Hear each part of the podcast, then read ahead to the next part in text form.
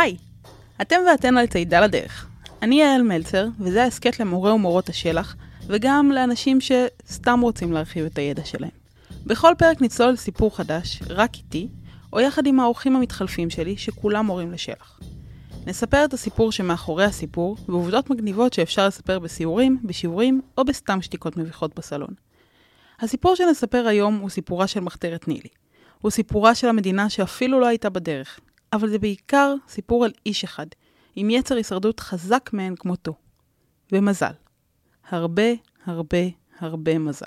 זה סיפור על האיש שהיישוב היהודי אהב לשנוא, וההיסטוריה לא מנציחה כמו את שאר חברי המחתרת. זה סיפור מלא בהרפתקאות ותהפוכות שקשה להישאר אדישים אליו. היום נספר את סיפורו של יוסף לישנסקי.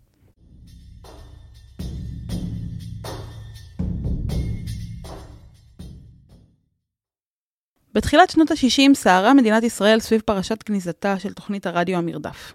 התוכנית אותה כתב נקדימון רוגל, זיכרונו לברכה, ויוסי גודרד, שראיין את האנשים שידעו לספר את הדברים בגוף ראשון, הייתה משהו יוצא דופן בישראל הצעירה.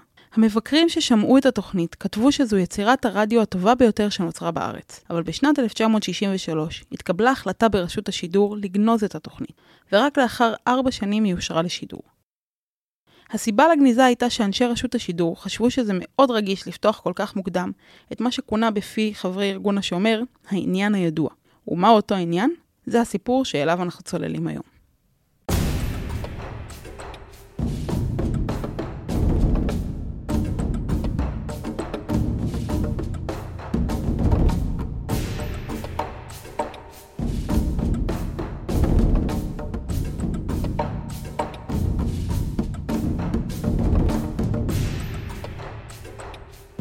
יוסף לישנסקי נולד ב-1890 בעיירה קטנה ליד העיר קייב.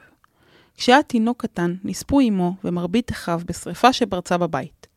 יוסף עלה לארץ יחד עם אבא שלו, והם גרו במטולה, יחד עם הדוד של לישנסקי, שעוד יחזור לנו לקראת סוף הסיפור. אביו היה ככל הנראה סוחר, והיה יוצא למסעות מסחר. יום אחד נסע האב לירושלים, ובדרך נעלמו עקבותיו. יוסף נשאר לגדול כיתום בבית דודו. הוא מסתובב הרבה בחוץ, וככה הוא לומד משכניו הערבים לדבר ערבית בצורה טובה מאוד. וגם כיצד לרכב על סוס במקצוענות. על פי העדויות, יוסף היה תחרותי ושחצן, ובמהרה תושבי מטולה הפסיקו לחבב אותו. בתוכנית הרדיו המרדף שהוזכרה קודם, כונה לישנסקי הצעיר זמורה זרה בכרם. שזה משפט שחייבים להחזיר לשפה העברית. אחי, בוא לסרט, אל תהיה כבד. מה, נו, אל תהיה זמורה זרה. באמת, זה, זה משפט מדהים, אנחנו חייבים להחזיר אותו. בכל אופן, אה, יוסף מתגלה כמהר מאוד כתלמיד חכם ושקדן, מאוד מאוד חרוץ, שמצטיין בלימודים וחולם להיות מורה. הוא מתקבל לסמינר יוקרתי למורים בירושלים, ובמשך שנתיים הוא לומד שם ומקבל ציונים מצוינים. אבל לישנסקי לא מתחיל את השנה השלישית ללימודים.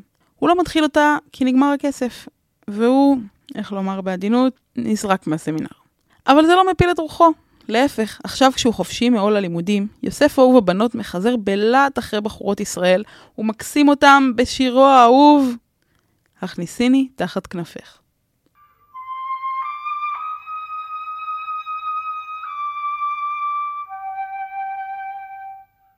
כן, זה השיר האהוב עליו.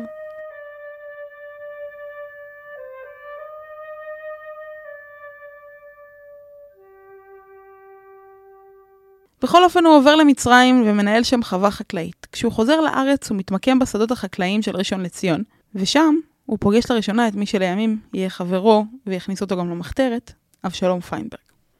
ב-1910 הוא מתחתן עם רבקה, בתם של חקלאים מהמושבה בית וגן, ובמהרה לזוג נולדים שני ילדים, עברייה וטוביה. יוסף מבין שהוא רוצה לעשות משהו למען המדינה, ובשנת 1912 הוא מגיש קורות חיים לארגון השומר. בשומר היה נהוג למשוך את האנשים, ולא לתת להם תשובות מיד. כמה למשוך? את יוסף לישנסקי למשל, הם משכו במשך שלוש שנים. אז לישנסקי, שדיבר ערבית מצוין והיה רוכב מעולה, חיכה למכתב הקבלה לשומר. בינתיים הוא הורג אדם בעת פעילות מבצעית, ולאחר מכן הוא בורח מחשש לנקמת דם. במקביל, בקשת החברות שלו בארגון השומר נדחית על הסף בעקבות המקרה. ישראל שוחט אומר עליו. במשך תקופה ארוכה מאוד היה יוסף לישנסקי מועמד לחברות בהשומר. הוא היה שומר טוב, ידע להשתמש בנשק, היה בקיא במנהגי הסביבה ובערבית, ואף על פי כן לא נתקבל כחבר לארגון השומר. הוא הורחק מהשמירה משום שגילה חולשת אופי, נטייה להרפתקנות ושחצנות. אנשי השומר, כמו שהבנתם, ראו בו שחצן, גנדרן ונטול שורשים פוליטיים. בדיוק מהסיבה הזאת הם לא רצו איתו שום קשר. אנשי נילי, אגב, הסתייגו ממנו בגלל אותם תכונות בדיוק. אבל זה בגלל שהם ראו בתכונות האלה תכונות שומרניקיות, והם לא רצו להיות מזוהים עם ארגון השומר. כן, כמו שאתם בטח מבינים כבר, יוסף לישנסקי היה בחבר'ה הפחות מקובלים. ומה לדעתכם עושה אדם שלא מתקבל למשהו שהוא מאוד רוצה? מנסה שוב? הצחקתם את לישנסקי. הוא עושה את הדבר הכי הגיוני, הוא מקים במקום ארגון מתחרה שהוא עומד בראשו. לארגון הזה הוא קורא ארגון המגן. הבנתם? השומר, המגן. מה שקורה בפועל זה שיוסף לישנסקי מקבץ סביבו אנשים שכועסים על ארגון השומר, ובדיוק כמוהו נדחו על ידי הארגון.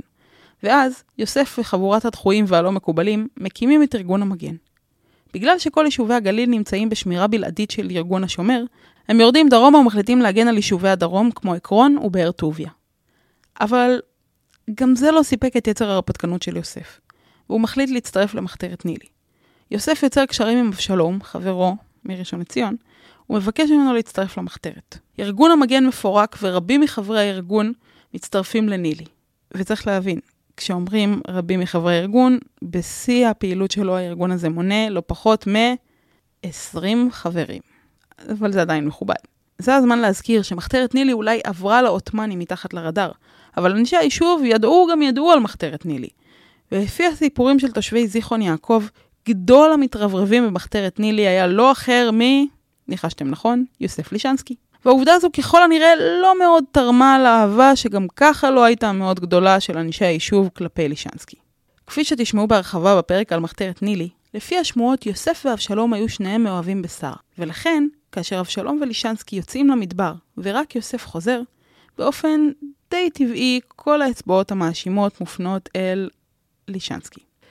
לישנסקי הפצוע מגיע עם פלוגה של המשמר האוסטרלי לבית החולים בקהיר, ושם הוא שוכב פצוע בלי שאף אחד יודע מי הוא. יום אחד, אהרון אהרונסון שומע שבבית החולים בקהיר שוכב פצוע שממלמל משפטים משונים בעברית. כשאהרון מגיע הוא מזהה מיד את יוסף. הוא שומע ממנו את כל מה שקרה במדבר, אבל בגלל כל ההיסטוריה וכל הסיפור עם אבשלום, גם הוא כנראה לא מאמין לו. כשיוסף מחלים הוא עולה על האונייה מנגם, וחוזר חזרה לזיכרון יעקב. בגלל שאהרון היה במצרים ואבשלום מת, יוסף חוזר בעצם להיות המנהל של המחתרת לצד שרה אהרונסון. אבל גם אחרי שהוא חוזר הוא לא נח לרגע, ואפילו מצליח להכעיס מאוד את אהרון אהרונסון, כשהוא מציע רעיונות כמו פיצוץ קשרים, ואפילו עולה על המנגם ויורד למצרים בלי אישור של אהרון. הדבר הזה מרתיח את אהרון אהרונסון, והביקור הזה במצרים עוד יעלה לו במחיר התפיסה שלו, אבל על זה תשמעו כבר בפרק הבא. ואז, בוקר אחד בספטמבר בשנת 1917, יוצא מושל קיסריה אחמד בק לחצר ביתו. הוא מגלה בין היונים שלו יונה אחת זרה, עם פתק, קשור לרגל. כפי שתשמעו בפרק על נילי, זו לא הייתה הטעות היחידה שעשתה המחתרת, ולא בגלל יונה אחת כל המחתרת התגלתה. אבל זאת הייתה עוד הוכחה למה שהטורקים כבר התחילו להבין לבד. מתחת לאף שלהם פועלת מחתרת יהודית. ב-1 באוקטובר, ערב חג סוכות, דיווחו אנשי השומר על פלוגה של חיילים עות'מאנים שמתחילים להקיף את זיכרון יעקב מכל הצדדים. הנה תיאור של יעקב אפשטיין מתוך התוכנית המרדף, שראה את רגע הגעת הטורקים. זה היה בחג הסוכות, אני חושב. באותו ערב הייתה לנו חתונה בבית שכטר. כל הנוער הוזמן לנשף הריקודים, והנה הופיע בחור בשם צבי אברמוביץ', ואומר לנו, דעו לכם שהמושבה מוקפת עם צבא. הייתי בגינה אצלי ותפס אותי חייל טורקי והחזיר אותי. תקף יצאנו איזה בחורים וחקרנו בעוד איזה מקומות, ראינו שזה נכון, המושבה מוקפה עם צבא. השמועות שהעות'מאנים בדרך לזיכרון לעצור את המחתרת הגיעו הרבה לפניהן. וכך יוסף לישנסקי מחליט לברוח. רגע ההחלטה לברוח היה לא קל, אבל הכרחי. הנה תיאור של דוד שטיינברג, שנכח ברגע ההחלטה. למחרת קראה לי שרה, כשבאתי לחצר מצאתי את יוסף לישנסקי. ישבנו שלושתנו בחוץ על המרפסת, ושרה דיברה איתי ואמרה מה נעשה עם יוסף. שרה הציעה להסתיר את יוסף בבית של השכנים. פה הייתה, היה פעם בית חרושת לשימורים והיו כל מיני מקומות מחבוא והיה אפשר מאוד להסתיר אותו. אבל אני התנגדתי ואמרתי שאם ייתפס לישנסקי בבית כל המושבה תעלה באש כי זה מאוד מסוכן. יוסף הסכים לדבריי והסכים לצאת את המושבה וללכת אל ההרים. רגע ההחלטה היה לא קל, אבל הכרחי. שרה ויוסף מחליטים מי ביניהם יהיה זה שיישאר ומי יברח. לבסוף מחליטים שיוסף הוא זה שיברח. הוא עוזב את זיכרון, וכך מתחיל המסע בין 20 הימים של יוסף לישנסקי.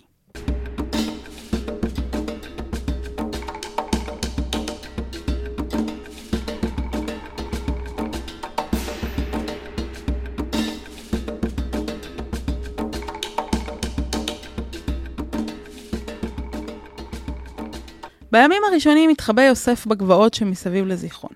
העות'מאנים ידעו בדיוק את מי הם מחפשים, וכשהם לא מצאו את יוסף אחרי שחיפשו בכל מקום במושבה, המושל הטורקי איים שאם יוסף לא יוסגר לשלטונות, הוא יטבח בכל תושבי זיכרון יעקב.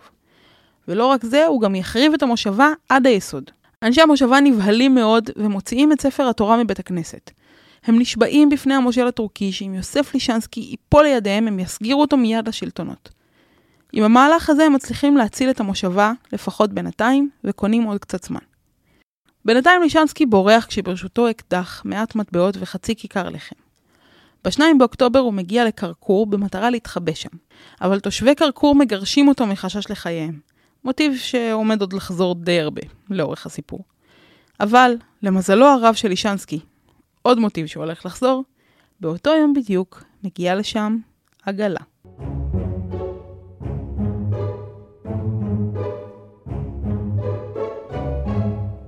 העגלה שהגיעה לקרקור יצאה מפתח תקווה. בתוך העגלה הוחבאו כלי נשק רבים של ארגון השומר, וגם הרבה מאוד זהב שהיה שייך למחתרת נילי. הזהב הזה הוברח ממצרים לארץ. בגלל שהעות'מאנים גילו על קיום המחתרת, ארגון השומר רצה להבריח את הזהב צפונה לגליל, ולהשתמש בו לרכישה של כלי נשק, כי מחתרת נילי כבר לא הייתה קיימת. הם מתכננים לנסוע דרך ג'נין, אבל הם שומעים שנעמן בלקינד נעצר, שיש חיפושים אחרי מחתרת נילי, ובעקבות זה הם מבינים שעומדים להיות מחסומים בג'נין.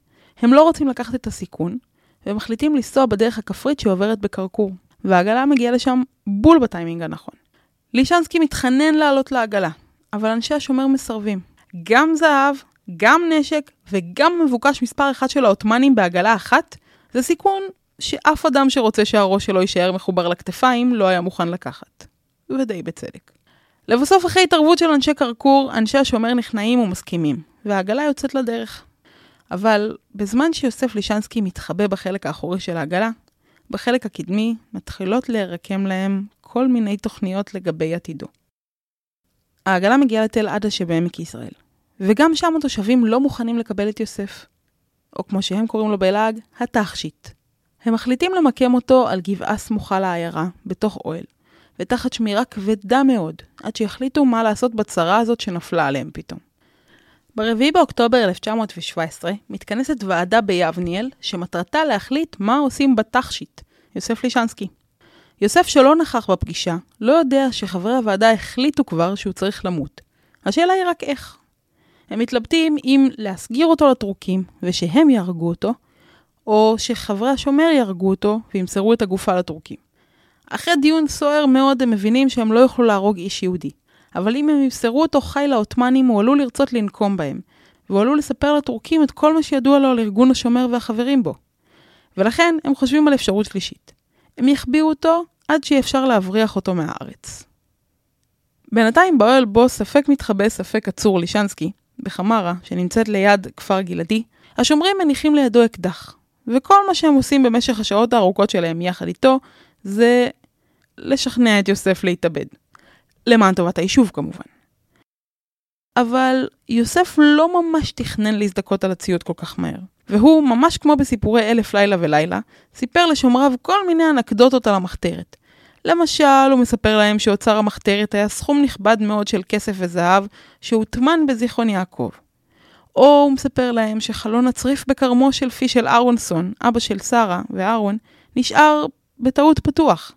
וזה סימן לאונייה הבריטית מנאגם שאנשי נילי בסדר ולא נשקפת להם שום סכנה, וגם שהמחתרת עדיין פועלת.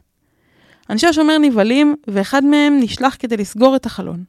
השמועה אמרה שעל הדרך הוא גם לקח את מטמון הזהב שנותר מאוצר מחתרת נילי. האוצר הזה, אגב, לא התגלה עד עצם היום הזה. עובר עוד יום, והשומרים אומרים ללישנסקי שהם הולכים לעלות צפונה, כי הם סידרו עגלה שתיקח אותו ללבנון, שם נמצאים כל שאר חברי מחתרת נילי שהצליחו לברוח מהטורקים, ויחד הם יעלו על הספינה מנאגם שתיקח אותם למצרים. מה שיוסף לא יודע, זה שארגון השומר לא באמת דיבר עם חברים בלבנון, אלא עם השלטון העות'מאני. הם פונים לקצין טורקי ואומרים לו שיחכה איתם ליד מטולה בשעת לילה מאוחרת, והם יהרגו עבורו את לישנסקי. וכשהוא ישמע את הירייה, הוא יגיע לשם עם כמה חיילים, יביים את הירי ויזקוף לזכותו את רצח לישנסקי. וככה כולם יהיו מרוצים. לא רק זה, הם גדילים לעשות וגם נותנים לו נשק של ארגון השומר, כדי שהכדור שיפגע בלישנסקי יהיה תואם לנשק שיש לקצין הטורקי. כן, עד כדי כך הם רצו להיפטר מלישנסקי. אה, וכמובן הכי חשוב, ששום דבר מזה לא יקשר את המוות שלו ליישוב היהודי. זהו לילה גורלי בתולדות מחתרת נילי. התאריך הוא התשעה באוקטובר. בשעות הערב המוקדמות שרה אהרונסון מתה מפצעיה אחרי שהיא ירתה בעצמה כמה ימים קודם לכן. ואז, מאוחר יותר באותו הלילה, יוצאים בחשיכה יוסף ושני מלוויו, ומגיעים ליד מפל התנור. המים גועשים, והם לא מצליחים לשמוע את רעש הפסיעות שלהם, כי רעש המים הנופלים מאוד מאוד חזק. אחד השומרים מנצל את רעש המפל, ויורה ירייה אחת בלישנסקי. הם רואים אותו מסתובב מופתע, מסתכל עליהם, ואז מתמוטט על הקרקע.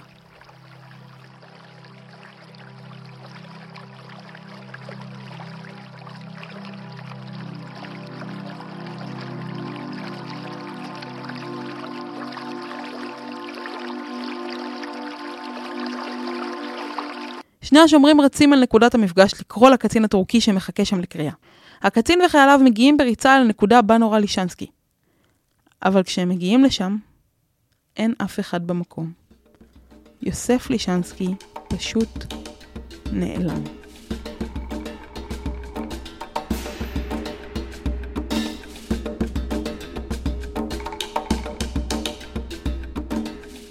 זהו, עד כאן החלק הראשון בהרפתקאות יוסף לישנסקי. מקווים מאוד שנהנתם. אתם יכולים להאזין לנו בכל אפליקציות הפודקאסטים וגם באתר נועם של מורי השלח. שם גם תוכלו למצוא תמלול של הפרקים. חלקו השני של הפרק יעלה בעוד שבועיים. תודה לבית אריאלה על האירוח הנפלא. תודה לאגף שלח ולדוקטור אלי שיש. מרכז נועם ולצוות הפיתוח יובל, מורית ולירון. תודה לתוכנית הרדיו המרדף על ההשראה על הפרק, תודה לאייל מלצר על התפעול מאחורי הקלעים, ותודה לכם על ההאזנה. ניפגש בפרקים הבאים.